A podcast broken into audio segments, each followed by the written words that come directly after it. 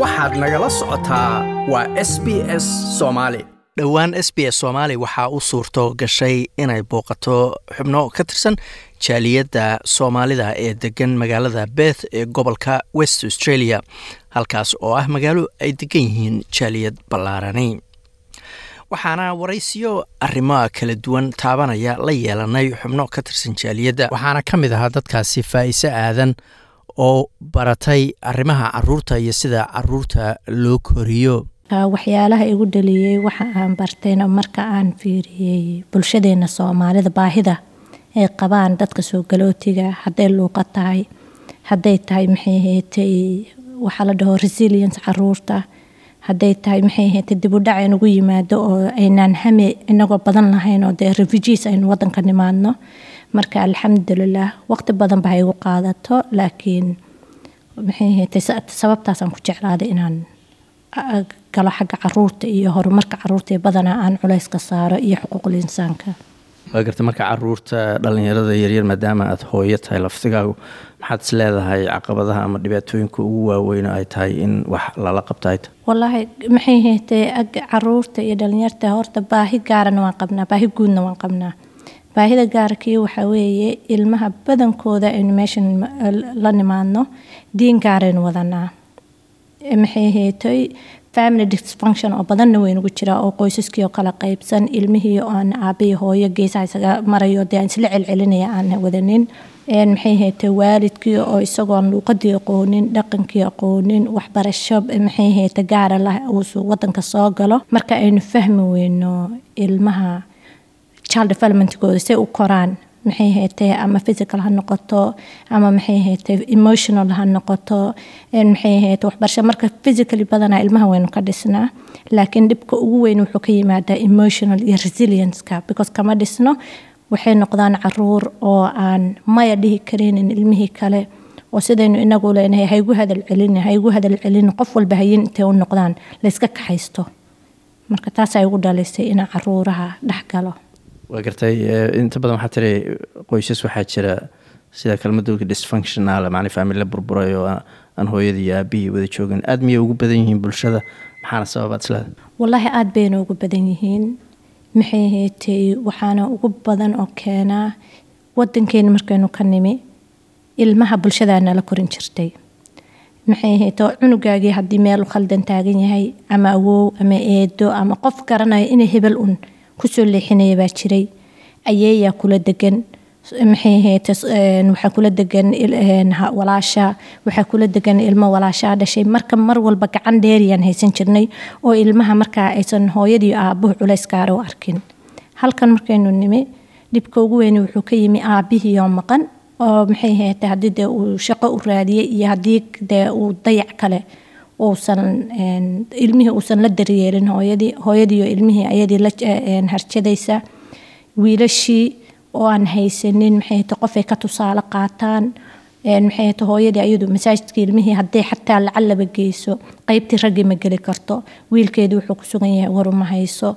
Maxay hayta ilmihiioo badan oo tirada ilmahana ay culays badan ku keento waalidkii. Iyo maxay hayta adi ilmihii aynaan fahansaneyn baahidoodii cunto haddaynu siino iskuul u dirno kuwana waalidkii way ka faa'iidaystaan waxays dhahaan. Adigu waxba maad soo baranin ee adigu ilmahaaga la harjad kuwii la harjadana ilmihii waxaa ku dhacay overstimulation hadday tahay maxay ahayd? Dugsi loola cararay hadday tahay tutoring loola cararay hadday tahay sport marka cunugii waxaa ku dhacay burnout. Burnoutku marka qofka weyni marka xaaladdu ku cuslaato oo maskaxdiisu buuxsanto waxaa laga yaaba wixii uu hayay inuu ka tago. Laakiin cunugii uma haysto xorriyad.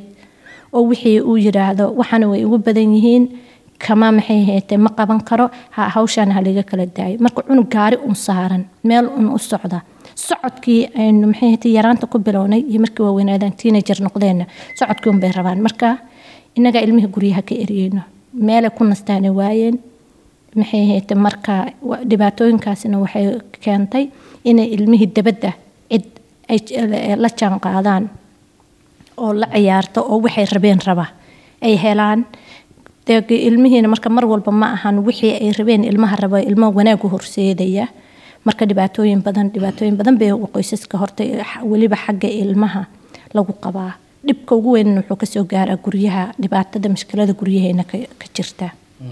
Marka haddii aada faahfaahaysid hadda labada kelmadood aa isticmaashay oo ah overstimulation burn outka ma waxaad leedahay caruurtii waqti lama siiyo ama ay ku nastaan ama waxyaalo madadaalahe waa la daaliyaa un sidii wax loo magacistaasunna dhibaatay keenaysaa bal labadaas kelmadood iyo waxaa ula jeedid aada macnaysid okay over stimulation waxaa la dhahaa cunuga oo maxay heetay inta ega yacni mar walba aan la siinin fursad isagu keligiis meel ku ciyaaro meel uu keligiis nasan karo meel keligiis uu jiifsan karo.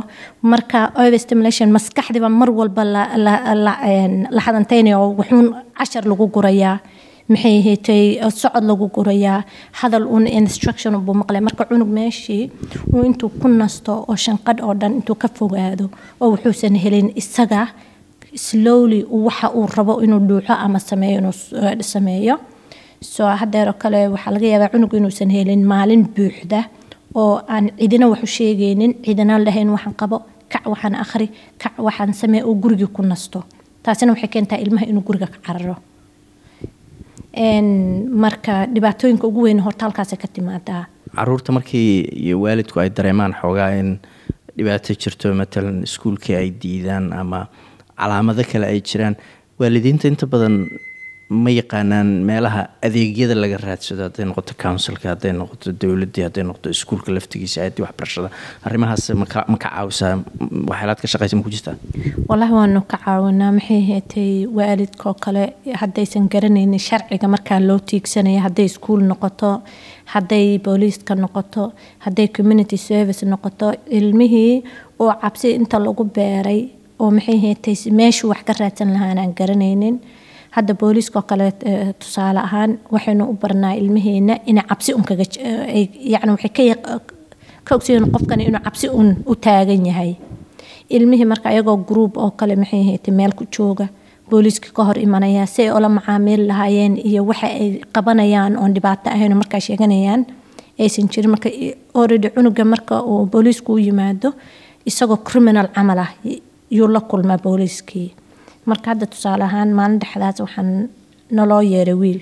Waxaa la yiri wiilkan maxay ahayd hooyo cabanaysa wiilkayga halay caawiyo? Wiilkayga maxay ahayd intaasoo habeen ma seexanin? Dhibaatooyin baa haysta. Maxay ahayd nolosha oo ka xumaatay? Awgeedba muqaadaraad wuxuu mooday inuu xanuunka iskaga baabi'inayo. Anagoo dhowr maxay ahayd dumar oo soomaali community gabdhahan isla shaqeynaynay volunteerka iyo gabdho kaleba booliiskaan u tagno waxaan ku nidhi xaaladaasaa jirta. Waxaan rabnaa cunug dhibaataysan inaad maxay ahayte wax ka qabataan ood caawisaan oo maxay ahayte aad ka soo dhaqdaan daawooyinka.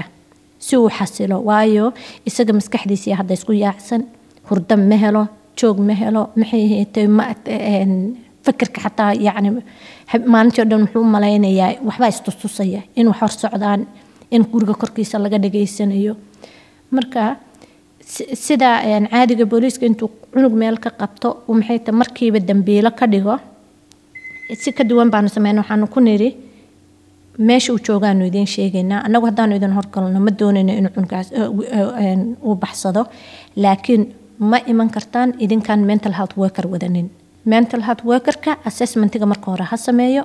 Cunugan ka cabsanaynin maxay hayte ha approach gareeyo marka idinkuna idinkoo ka dhigaya cunugii inaad caawimaadiisa maxay ahayte isaga aad ka shaqeynaysaan danihiisa inuu markaa xiriir idinla sameeyo ood caawisaan. Alxamdulilah maxay ahayte way naga yeeleen. Maxay ahayte taariikhda cunugaa nooga sheekeynay cunugu inuusan xumaato u dhalanin. Noloshu isbedesho un maxay inuu xagga markuu jaamacadda ku jiray relationship iyo breakdown ku dhacay.